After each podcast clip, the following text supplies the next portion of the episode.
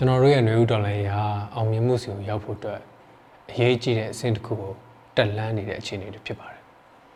ဘလို့အခြေအနေလဲဆိုတော့အကြမ်းဖက်စစ်ကောင်စီရဲ့ရက်စက်မှုကနေပြည်သူလူထုကိုကာကွယ်ပေးတဲ့ခုခံတွန်းလှန်ခြင်းအဆင့်ကနေပြည်သူလူထုအတွက်အေဂျင့်လုံခြုံစွာအခြေချနေထိုင်နိုင်မဲ့စိုးမိုးထိန်းချုပ်နေမိတွေကိုတိမ့်ပိုက်ထူထောင်မဲ့နေမိထူထောင်ခြင်းအဆင့်တွေကိုတက်လှမ်းနေပြီဖြစ်ပါတယ် ဒါကိုမျိုးသားညီညွတ်ရေးအစိုးရရဲ့တနည်းပြည့်သတင်းထုတ်ပြန်ချက်တွေယာယီသမ္မတပြည်ထောင်စုဝန်ကြီးချုပ်ရဲ့မိန့်ခွန်းတွေမှာလည်းထင်ရှားတွေ့မြင်နိုင်ပါတယ်ဒီလိုမျိုး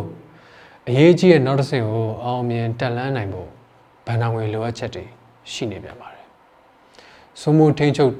ထားနိုင်ပြီဖြစ်တဲ့ဒေတာတွေမှာအစင်းစင်သောအုပ်ချုပ်ရေးရန်တရားတရက်ထူထောင်ဖို့ပြည်သူရဲတပ်ဖွဲ့တွေကိုအသက်သွင်းပြီး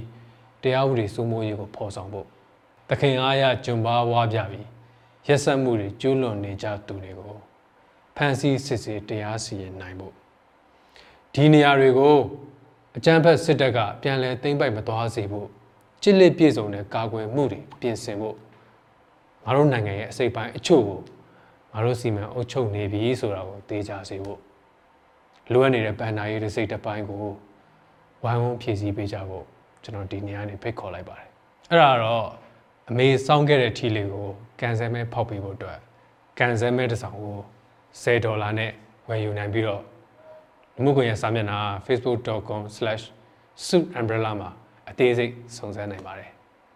အားလုံးကျေးဇူးအများကြီးတင်ပါတယ်ရေးတော့ဖို့အောင်ရမယ်